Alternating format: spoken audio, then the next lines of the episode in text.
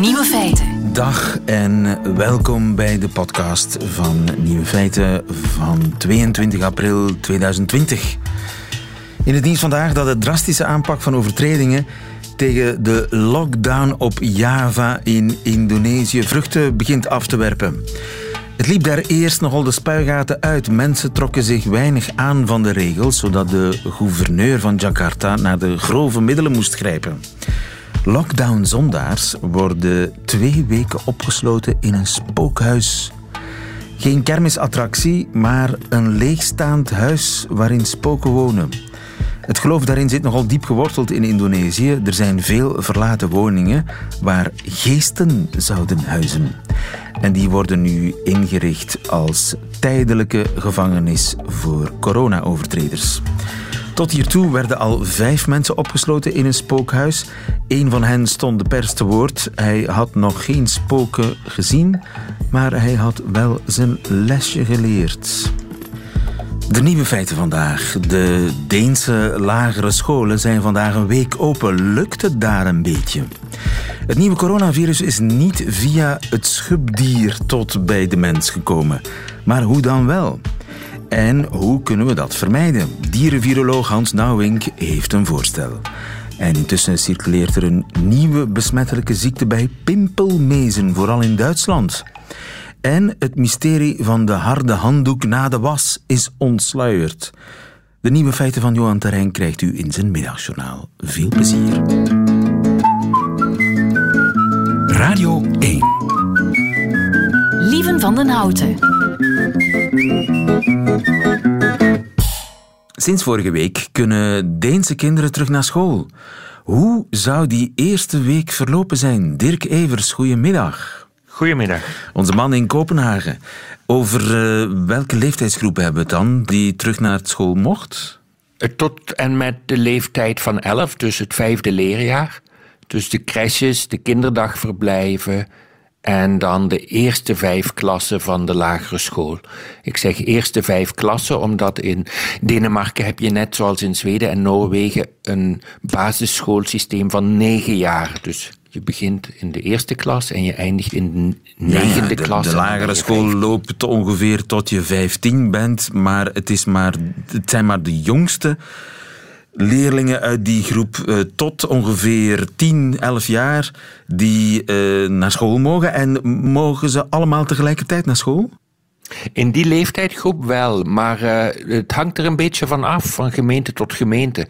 In Denemarken is onderwijs of basisonderwijs een zaak van de gemeentes, ook de crèches trouwens.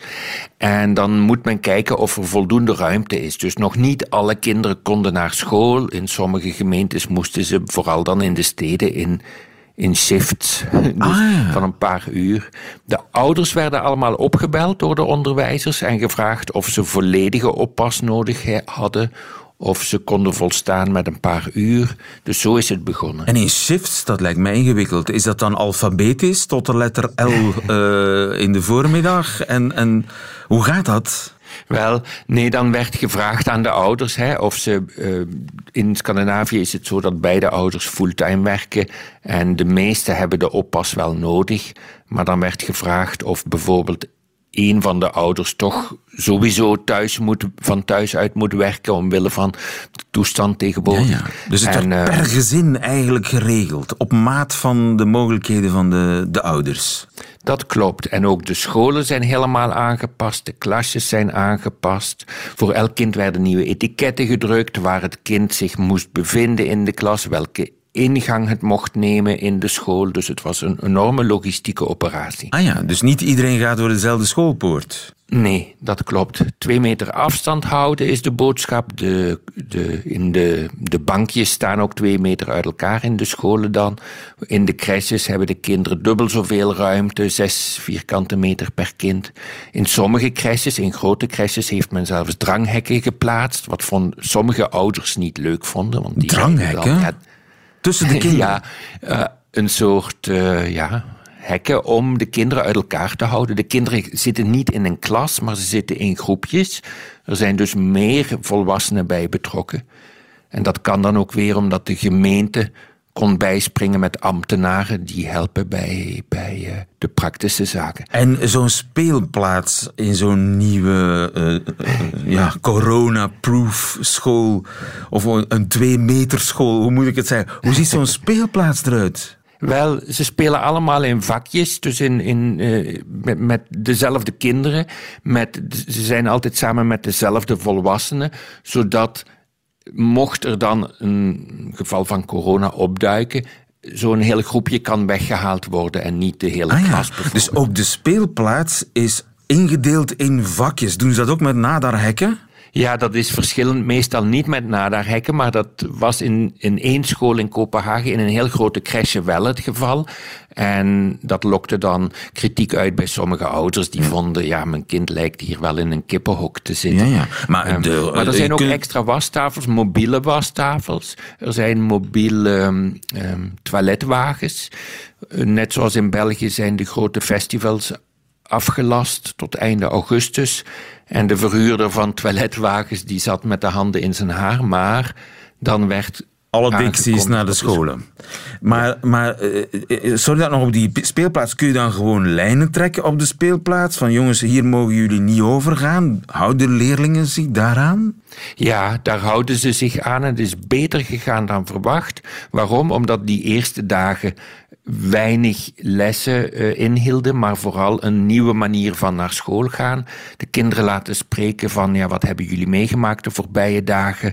En kijk, nu gaan we met z'n allen op een andere manier naar school. Wij zijn met dit groepje samen, dat zijn jullie speelgroepjes in het andere groepje, daar mag je voorlopig niet mee spelen, maar wij gaan er een leuke tijd van maken. Ja, ja. En is er veel angst bij leerkrachten? Want ik neem aan, ja, kinderen zijn redelijk uh, beschermd tegen het virus, ze hebben er minder last van dan volwassenen. Maar ja, als, als je voor zo'n klas staat als 50-jarige, ben je dan niet bang? Nee, bij de, bij de leraren was weinig, uit wat ik heb opgevangen, weinig angst. Zij stonden te popelen om weer naar school te mogen.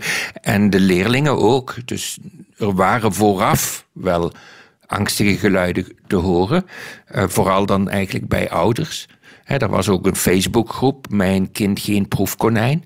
Um, maar achteraf gebleken is het allemaal heel goed meegevallen. 95% van de kinderen is tevreden. Ja. Um, een schooldirecteur die zei dat hij na de eerste dag een soort zen-gevoel had, omdat het allemaal zo goed was meegevallen.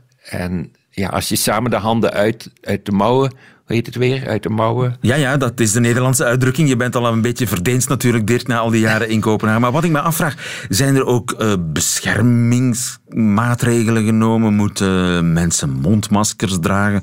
Zijn er regelmatige tests voorzien? Ik kan me voorstellen dat je als, als, als leraar ja, toch graag weet of je niet besmet bent, of leerlingen niet besmet zijn.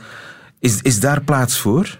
Wel, wie ziek is moet thuis blijven. Wie een zieke persoon thuis heeft, blijft ook thuis. Er wordt nu ook massaal getest in Denemarken. Dat is dus een nieuwe strategie. Er zijn overal in verschillende steden grote eh, tenten opgezet waar je kan laten testen. Maar wat de scholen betreft, nee. Um, geen mondmaskers, daar is men hier niet aan toegekomen, toch niet in de scholen. Um, maar vooral de richtlijnen van afstand houden, handen wassen om de twee uur, extra schoonmaak. De schooldeuren blijven open, dus ook in de klaslokalen blijven de schooldeuren open. En ja, er zitten ook veel minder leerlingen of kinderen in een klas. Want door het feit dat je negen jaar lagere school hebt, worden dus de klassen van de oudere leerlingen gebruikt door de kleinere leerlingen. Ja, ja.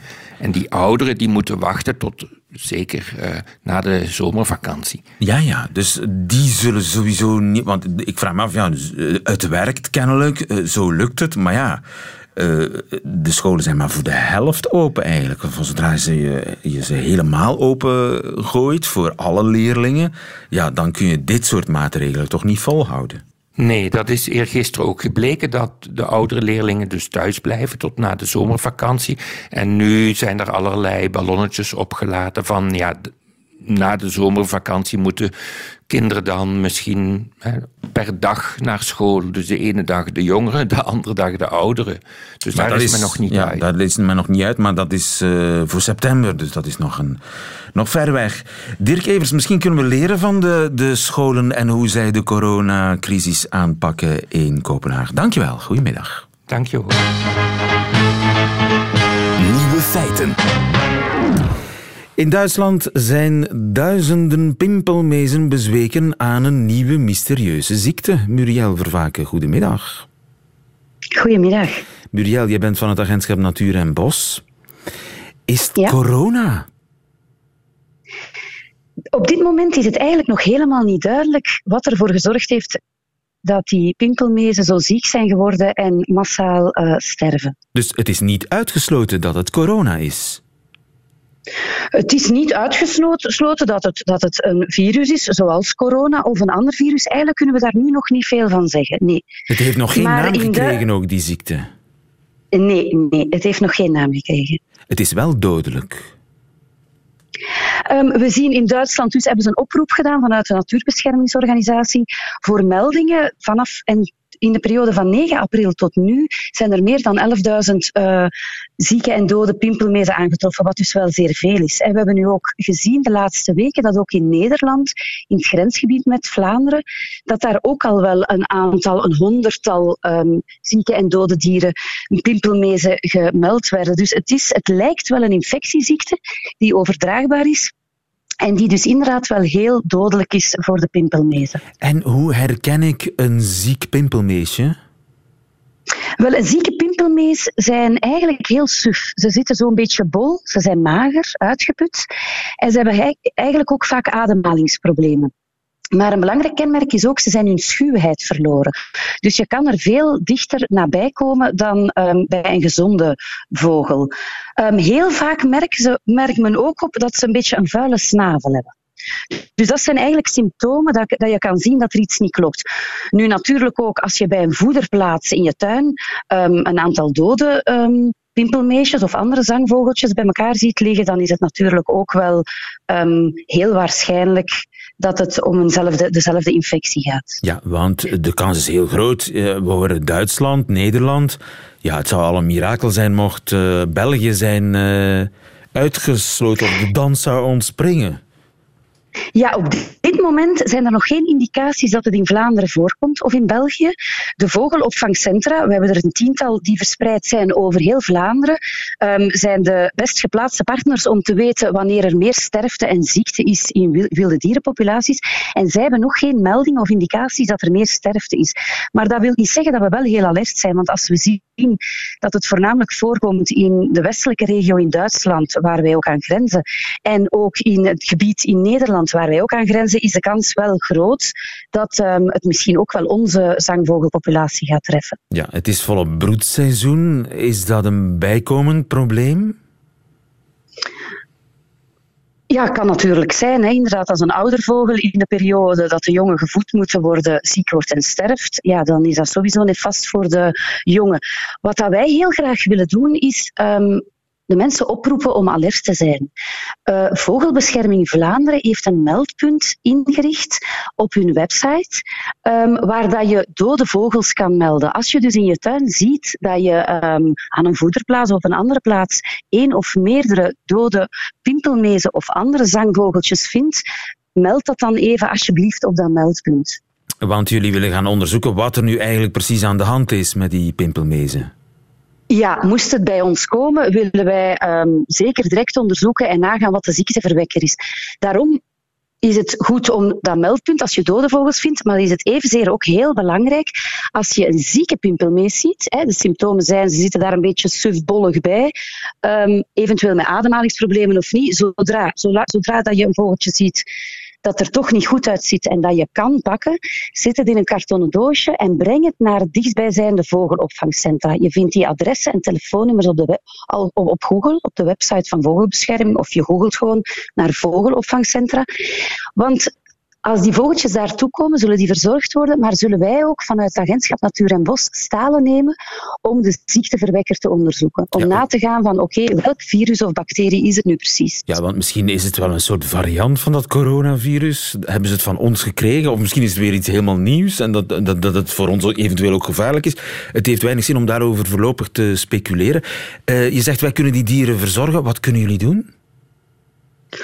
Um, ja, dat gaan gewoon symptomatisch. Hè. Je gaat die dieren het zo comfortabel mogelijk maken om hun eigen immuniteit uh, te laten werken. Meer kan je niet doen. Dus het is niet dat er een behandeling is. Je gaat ze gewoon verzorgen, um, beschermd zetten, dat ze niet door, door een ander dier kunnen um, gepredeerd, hè, uh, gegeten ja, worden, ja. Uh, aangevallen worden. Meer kan je niet doen. Ja, en social distancing bij vogels ziekte... kun je niet uh, invoeren, hè? Dat kun je niet dat uitleggen. kunnen we niet invoeren. Je kunt het niet uitleggen. Maar er is wel Nee, dat krijgen we niet uitgelegd. Maar er is wel nog een ander belangrijk iets dat mensen wel kunnen doen. Veel mensen hebben voederplaatsen of drinkplaatsen in hun tuin. En er zijn toch veel indicaties dat het om een infectieziekte gaat. Dat wil zeggen dat dieren elkaar dan ook kunnen besmetten. En dan zijn zo'n voeder- en drinkplaatsen natuurlijk de ideale plaatsen waar dat er een infectie kan doorgegeven worden. Dus wat we voorstellen is, zodra dat je ziet dat er vogelsterfte is in je tuin, haal dan je drinkbakjes sowieso weg, uh, maak ze leeg. En het bijvoederen roepen we sowieso op om te stoppen. Vanaf april is het eigenlijk helemaal niet meer aangewezen om vogels te voederen. Dus voor die mensen die toch nog bijvoederen, stop daar maar onmiddellijk mee. En ben alert um, op vogelsterfte.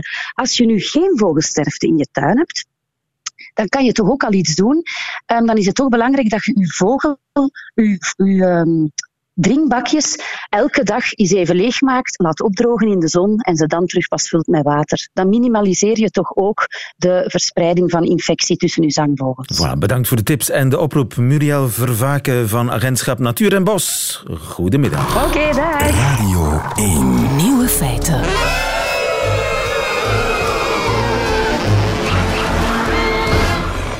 Heeft u dat ook, dat een keukenhanddoek na de was hard is geworden? Je kunt hem bijna rechtop zetten. Hoe zou dat toch komen? Die handdoek is toch proper na de was? Wel, dat mysterie dat is eindelijk ontsluierd door wetenschappers in Japan. Dirk van Dijk, goedemiddag. Goedemiddag. Professor fysica in Antwerpen. Hebben ze daar aan de Universiteit van Hokkaido in Japan handdoeken zitten wassen? Eigenlijk wel. Eigenlijk wel, maar vooral nadien gekeken wat er gebeurt met de, met de vezels van het katoen. En daar hebben ze heel geavanceerde technieken voor gebruikt om dat probleem op te lossen, want dat was nog niet begrepen. Ja, inderdaad. Want water, ja, dat is toch water en een proper katoenen handdoek, ja, die, die moet toch soepel zijn? Hoe kan dat? dat? Ja, wel hij, is wel, hij is wel proper, maar hij is niet droog. Dus als je denkt dat als je hem in de zon laat drogen, dat hij droog is, dat denk je. Dan zit er nog 8% water op, maar dat is niet vloeibaar. Dat water kleeft als een laagje op de vezels, op de cellulosevezels van het katoen. Uh, werkelijk zoals een kleeflaagje. En dat gaat er niet af. Alleen als je bij uh, een wasverzachter gebruikt, wordt dat uh, geëlimineerd. Of als je dus hoge temperatuur gebruikt in een droogkast. Maar als het gewoon droogt, blijft dat laagje kleven. Dus daar zit nog water op, maar ik dacht altijd water ja. is ofwel damp ofwel vloeibaar. Maar er is nee, blijkbaar nog je hebt een... ook een vorm, nee, een soort van gel, waarbij het eigenlijk een soort chemische bindingen zijn die maken dat dat waterlaagje echt nog kleeft. Zoals, goed, ik ga, dat zijn waterstofbindingen om de chemie ervoor te gebruiken, maar dat zijn speciale bindingen die maken dat het water kleeft. Zo'n beetje als een kleefstrip. Ah, maar, maar wat gebeurt er nu bij katoen? Die vezeltjes liggen heel dicht bij elkaar. Dus die kleefstrippen van twee naburige vezels, die raken elkaar en daar kleven die aan elkaar. Dus die kleven de vezels aan elkaar met een laagje dat er niet uitgaat als je het gewoon het, het wasgoed droogt. Dat is dus water dat daar blijft zitten. Ja, dat is inderdaad water dat er blijft zitten, maar onder een niet, een niet lopende vorm. Dus eigenlijk een soort water die, uh, die, die werkelijk... Gestold als het, water. als het, al, wat blijft? Gestold water. Zo moet je het zien. Het is een vorm van gestold water. En waarom stolt dat? Wel, dat om, omwille van het feit dat er kleine pootjes zijn die zich hechten aan de cellulosevezel, aan de katoenvezels, die maakt dat dat water niet meer kan verschuiven en als het ware kleeft. En dus als we een beetje met die handdoek uh, friemelen, dan uh, breken we die lijmlaag af. Nee, dat is niet genoeg. Uh, ofwel is het een wasverzachter gebruiken, dat is dan chemisch dat men die waterlaag passiveert, noemen dat, neutraliseert. Of bij hoge temperatuur. Ik vermoed ook dat een droogkast droger, ja, soepeler wasgoed ja, ja, geeft. Inderdaad, dat klopt ook. Inderdaad, en die, dat onderzoek is, niet, is gedaan door een bedrijf in Japan, KAO, een research centrum in een bedrijf. En dat bedrijf is geïnteresseerd in wasverzachters. Dus ik kan me inbeelden dat ze proberen te begrijpen wat er gebeurt, om dan betere manieren te vinden om was toch te laten natuurlijk drogen, zonder speciale toepassingen, hè, zonder speciale... Dat water kon stollen, dat wist ik niet. Wist, wist jij dat? Wel, ik wist het ook niet. Natuurlijk, ik weet water is heel speciaal. Hè. Uh, waarom drijft ijs boven water? Waarom drijft ijs op water? Normaal gezien, elke stof die afkoelt, die wordt zwaarder. Dus een vaste stof zinkt normaal. Maar bij ijs, plots wordt het lichter. Dat komt doordat in, tussen het water zijn er waterstofbruggen, noemen we dat, speciale bindingen, die maken dat het ijs poreuzer wordt, een beetje uitzet. En daardoor drijft ijs op water. Dat is ook de reden dat wij kunnen schaatsen. Er zijn een aantal toepassingen. Water is een heel speciaal materiaal, omdat er die bruggen in zitten. En die maken dat water ook verschillende vormen kan aannemen. En zoals ik net zeg, ijs, ijs op water, dat kan je niet uitleggen, tenzij je begrijpt wat er gebeurt met die waterstofbruggen, met die speciale binding in het water. Wat er nu gebeurt met die katoenvezels is dat diezelfde binding dus tussen water en het katoen gebeurt. En als het water een soort beschermlaagje op die katoen ligt, dat er niet afgaat met het drogen. Dus het water verdampt niet. Verdampen wil gewoon zeggen dat het lost van eh, de vezel en in de lucht gaat. Maar als die binding tot aan de vezel te groot is, dan verdampt het niet. Het blijft erop zitten. Het blijft erop zitten. En, en tot 8% eh, kan het van het katoengewicht kan nog water zijn. Zit nog, het water blijft in uw handdoek zitten als een soort gestold gebonden water, als het ware. Juist, en dan klikken de vezels aan elkaar. Dankjewel, Dirk van Dijk in Antwerpen. Goedemiddag.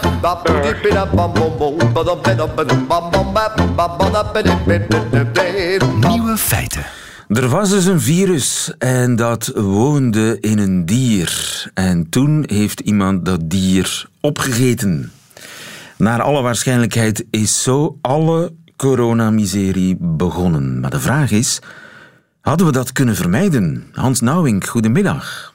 Goedemiddag. Je bent dierenviroloog aan de Universiteit van Gent.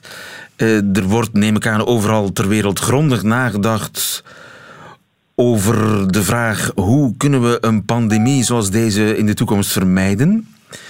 Maar hoe zeker zijn we eigenlijk over ja, dat scheppingsverhaal dat ik er net geschetst heb? Wel, dat is een, uh, een heel goed punt. Men uh, denkt op dit moment natuurlijk dat de logische stappen geweest zijn naar een vleermuis, dan een overgang naar een schubdier en dan naar de mens. Dat is hoe dat men het in China allemaal voorgesteld heeft. Ja, en dus dat schubdier, dat hebben wij, heeft iemand opgegeten? Wel, uh, het is allemaal niet zo eenvoudig. Uh, er werden meldingen gemaakt dat het uh, coronavirus bij schubdieren een 99% homologie vertoonde met de sequentie van de mens, SARS-coronavirus 2. Maar dat blijkt nu, dat is vorige week naar boven gekomen, blijkt niet correct te zijn. Ah. Dus het blijkt, het blijkt dat het, dus de, de, onze vleermuis coronavirus, dat, was, dat zat aan 96% homologie, dus dat zit al dichtbij. En men dacht 9, bij ons um, schubdier, dan zei men 99%, dus we hebben de match. Maar dat blijkt maar tegenover een klein stukje te zijn van het volledige genoom. Dus dat is eigenlijk, een, ik zou zeggen, een kwakkel. Um, en uh, het is dus veel minder. Het gaat dus naar 90%. Dus het schubdier wordt op dit moment eigenlijk geschrapt. Oké. Okay. Uh, ja, ja. Het is, ja, uh, vergeet het schubdier en hebben we dan het coronavirus rechtstreeks van de vleermuis gekregen? Wel, dat is, dan, dat is dus de black box waar ik denk op dit moment heel veel mensen naartoe aan het kijken zijn. Zeker mensen die de genetica aan het analyseren zijn. Het is dus een black box en nu moet men afkomen met bepaalde theorieën. Dat kan natuurlijk nog altijd een of ander zoogdier zijn dat uh, on the site staat, dat men eigenlijk op dit moment niet weet. Uh, dat de kans daar, daartoe is zeer groot. Oftewel is het gewoon gebeurd en dat het rechtstreeks, want 96% is al heel dicht bij de mens, ja. dat er dan toch ergens een, een stap gezet geweest is vanuit de vleermuis naar de mens met moeilijkheden om te spreiden, maar dan toch in functie van de tijd dan toch het gedaan heeft. Dus men noemt dat een, een adaptatie, een aanpassing. En dat heeft zijn, wel een bepaalde tijd in beslag genomen. En dit kan gebeurd zijn zonder echt veel symptomen. Ja, dus het is mogelijk dat de genesis zeg maar, van deze coronacrisis, dat we die veel vroeger moeten situeren dan we tot nu toe gedacht hebben. Juist. Dat, uh, ik vind dat men daar energie moet insteken om die theorie uh, te gaan bekijken. Uh, en dit gaat allemaal zo snel niet. Dus dit, dit kan wel zijn dat dat al een tijdje daar ergens in een kleine cluster van mensen gezeten heeft. En dat door uh, ja, toeval, uh, want veel zaken zijn toevallig uh, in de virologie, oftewel door een bepaalde, bepaalde vorm van recombinatie. Dat is twee coronavirussen. Als je twee coronavirussen in één, stel, in, in één cel stopt, kun je daaruit een, een soort van een, een, een, een mozaïek virus krijgen dat stukjes van het ene meeneemt en stukjes van het ander. Dat kan ook nog, dat ze eigenlijk als het ware seks hebben, die, die, die Wel, dat is... daar ga je te ver. Uh, want je weet dat ze heel levende wezens, onze virussen. Maar uh, dat ze gewoon genetisch stukken overnemen van elkaar. En, uh, en dan eigenlijk een soort van het monsterke dat we nu kennen, gecreëerd ja. hebben. Dus of, dit, dit is er is een, een soort van dier X, zeg maar, dat nog een soort go-between is geweest tussen de vleermuis en de mens. Ja, ja, dat kan ja, ook ja. nog. Dat kan ook nog, want uh, uh, dankzij onze Chinese broeders, want men denkt altijd, men zegt dat heel wat negatieve dingen over onze Chinese uh, onderzoekers. Ik kan nu zeggen dat de meeste sequenties op de wereldbol gelanceerd worden door de Chinese onderzoekers. Dus het, het feit dat wij weten dat de vleermuis eigenlijk zo dicht zit bij onze SARS-coronavirus 2, dat is dankzij die dus Chinese onderzoekers. Die open. Maar, ja, maar, dat, maar dat hele andere verhaal, dat van die ontsnapping uit een laboratorium. Heeft u daar enig geloof aan? Eh, wel, ik ga regelmatig naar China en uh, ik ken de onderzoekers daar. Die staan uh, op dit moment naast ons. Dus dat is niet dat die, dat, dat prutsers zijn. dus ik kan me moeilijk inbeelden dat dat daar zomaar ontsnapt is. Ik kan dat natuurlijk niet uitsluiten, maar ik heb liever, als ik zie dat, dat bij de, de vleermuis dat we al 96% homologie hebben ten opzichte van de, de humane SARS-coronavirus 2, dan volg ik meer uh, het idee dat er ergens een evolutie gebeurd is van daaruit. Ja. Uh, dat, is mijn, mijn, dat is mijn persoonlijke visie althans. Maar dus jij denkt nog altijd dat het in eerste instantie gewoon van een mens, van een dier op een mens is overgesprongen. We weten nog niet precies welk dier en hoe en wanneer het is gebeurd. Ja, dat, dat klopt. Dat is mijn visie. En zijn we zeker dat het op zo'n dierenmarkt is gebeurd, waar levende dieren, of via zo'n dierenmarkt is gegaan, waar, waar of pas, pas geschoten hele dieren worden verkocht? Ja, dat is natuurlijk heel juicy. En uh, men heeft natuurlijk in het verleden uh, duidelijk aangetoond dat SARS-coronavirus 1, uh, het oude type, overgaan is van vleermuis naar civetkat. Want dat is inderdaad een, een, een prachtig verhaal. Dat was dus een... een de voorloper van het huidige ja, coronavirus dat was, is via een kat. van, via een vleermuis naar een kat. Civet, ah, civetkat. Wel de kat die men ook opeet in, in China. Dus er was daar ergens een, eh, een duidelijke link. En daar was het virus, coronavirus bij de civetkat, zat wel op een 98%. Dus zat heel dicht bij de mens. Dus dit is een logisch verhaal. Maar nu met het schubdier, dat was natuurlijk juicy ook als verhaal, maar uh, uh, het klopt niet. Uh, dus we terug naar af en dan moeten we even een, oftewel een ander beest gaan invullen, oftewel geloven in de stap naar de mens en dan evolutie binnen de mens. Ja. Maar kunnen we, als we dan de volgende stap zetten van hoe kunnen we nog een keer zoiets vermijden? Want het is een wereldramp. Ja, ja oh. u, u, u, la, moeten we dan die, die markten sluiten? Moeten we... Ah, dit kan van overal komen. Hè. Dus als we dat moeten doen, ik zou zeggen, dan moet je, mag je de blokkarenvisie volgen. Dat is blijven in uw kot. En dan gaat er niks gebeuren natuurlijk. Maar, maar zo kunnen wij niet leven. Dus wij, wij, wij komen dagdagelijks in contact met elkaar, dagdagelijks in contact met uh, huisdieren. Uh, wij varkens, paarden, met, met, we gaan in het wild. Wij, uh, bij u thuis, misschien, ik weet niet waar hij woont, maar als, ik heb heel veel muizen in mijn tuin. Wel, dat zit dus, je, je wilt het niet weten, maar dat zit dus vol met virussen. Dus als wij denken dat al die beesten vol zitten met virussen die ons gaan, gaan aanvallen op een bepaald moment, ja, dan is er geen leven meer. Dus wij kunnen onvoldoende gaan inschatten wat er morgen gaat gebeuren. Wel is heel belangrijk uh, het feit dat wij op onze wereldbol al continu dichter en dichter op elkaar zitten. Uh, zowel mensen, maar ook mensen met hun huisdieren. Ik weet niet of je de, de intensieve landbouw kent, maar we zitten allemaal meer en meer op elkaar. Dat wordt samengepakt. Ook wij zitten dichter en dichter bij uh, wilde dieren. De wilde dieren zitten ook altijd maar dichter en dichter op elkaar. Dus wij creëren een soort van een omgeving waar de virussen natuurlijk plezier zullen in, hebben. Dus we gaan in de toekomst meer en meer en sneller en sneller uh, golven krijgen met virussen. Dus dit is een logisch gevolg dan moeten wij niet alleen gaan kijken naar één feit, zijn die wilde dieren op een markt. Dus dit moet veel breder bekeken worden. Eén ding staat vast, eh, de volgende golven van virussen die zullen sowieso aankomen. En wij moeten uh, uh, in het onderzoek, ik noem dat dan duurzaam, duurzaam gaan investeren. Dat wil zeggen, niet alleen bezig zijn met, zoals in het verleden, met bepaalde virussen zoals HIV, waar 90% op zat te werken, maar dat er een soort van variatie komt en dat veel virussen bestudeerd worden, zowel humaan als uh, bij dieren, want je ziet van waar dat de virussen komen.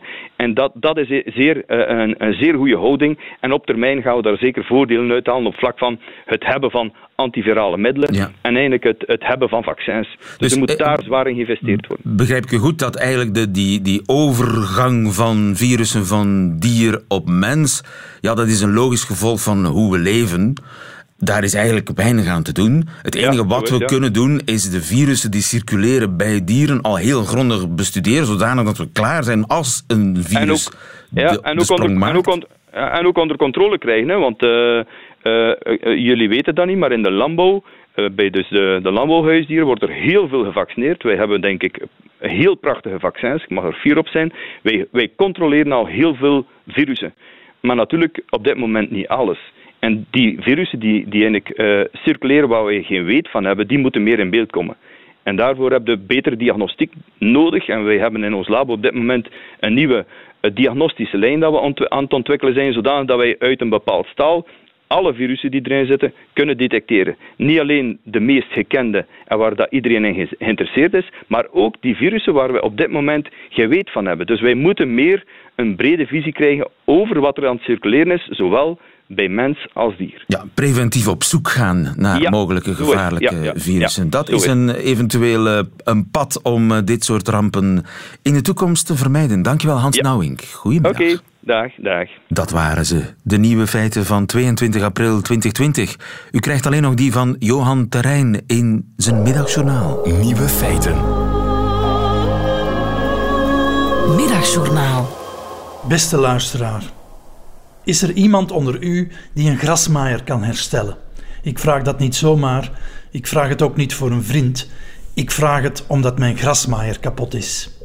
Nu zou je denken, zo'n handgeduwd, rollend modelletje, hoe kan dat in hemelsnaam kapot gaan? Dat is niet eens een machine. Nee, je duwt er tegen, die scharen rollen en hups, het gras dat ertussen zat is gezien. Dat dacht ik dus ook toen ik het kocht. Twee jaar garantie? Hoeft niet. Zoiets gaat toch nooit kapot. Groot is mijn verbazing nu de grasmaaier na drie jaar niet meer rolt. Ze slagen er dus ook al in om zo'n handgeduwd modelletje stuk te kunnen laten gaan, alsof een riek of een spade kapot kunnen gaan. Pas op, ik ben meteen in actie geschoten. Ik ben de gebruikershandleiding gaan opzoeken. Ik heb, oké, hier en daar nog wat oud gras en zand verwijderd. Ik heb de twee vijzen die er los te vijzen waren, losgevezen. Ik heb er met een hamer op geklopt ik heb mijn vader nog gebeld, maar die nam helaas niet meer op. Ik heb in mijn ogen alles gedaan wat in mijn mogelijkheid lag en oké, ik vertik het om te gaan aanschuiven aan een tuincenter.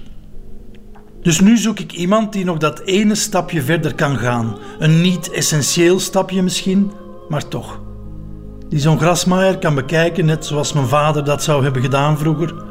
Die is schromt en het ding dan in twee minuten weer laat rollen die mij vervolgens verbijsterd achterlaat met een glimlach die het woord makkie moet uitbeelden.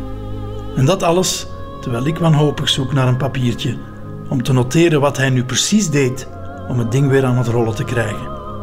Zo iemand zoek ik dus. Want u begrijpt, beste luisteraar, het gras is niet in quarantaine. Dat groeit gewoon voort.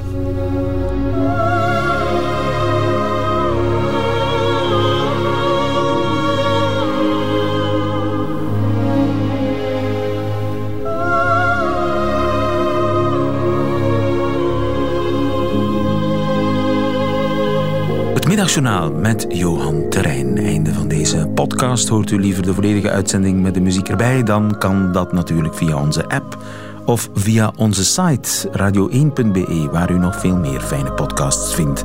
Tot een volgende keer.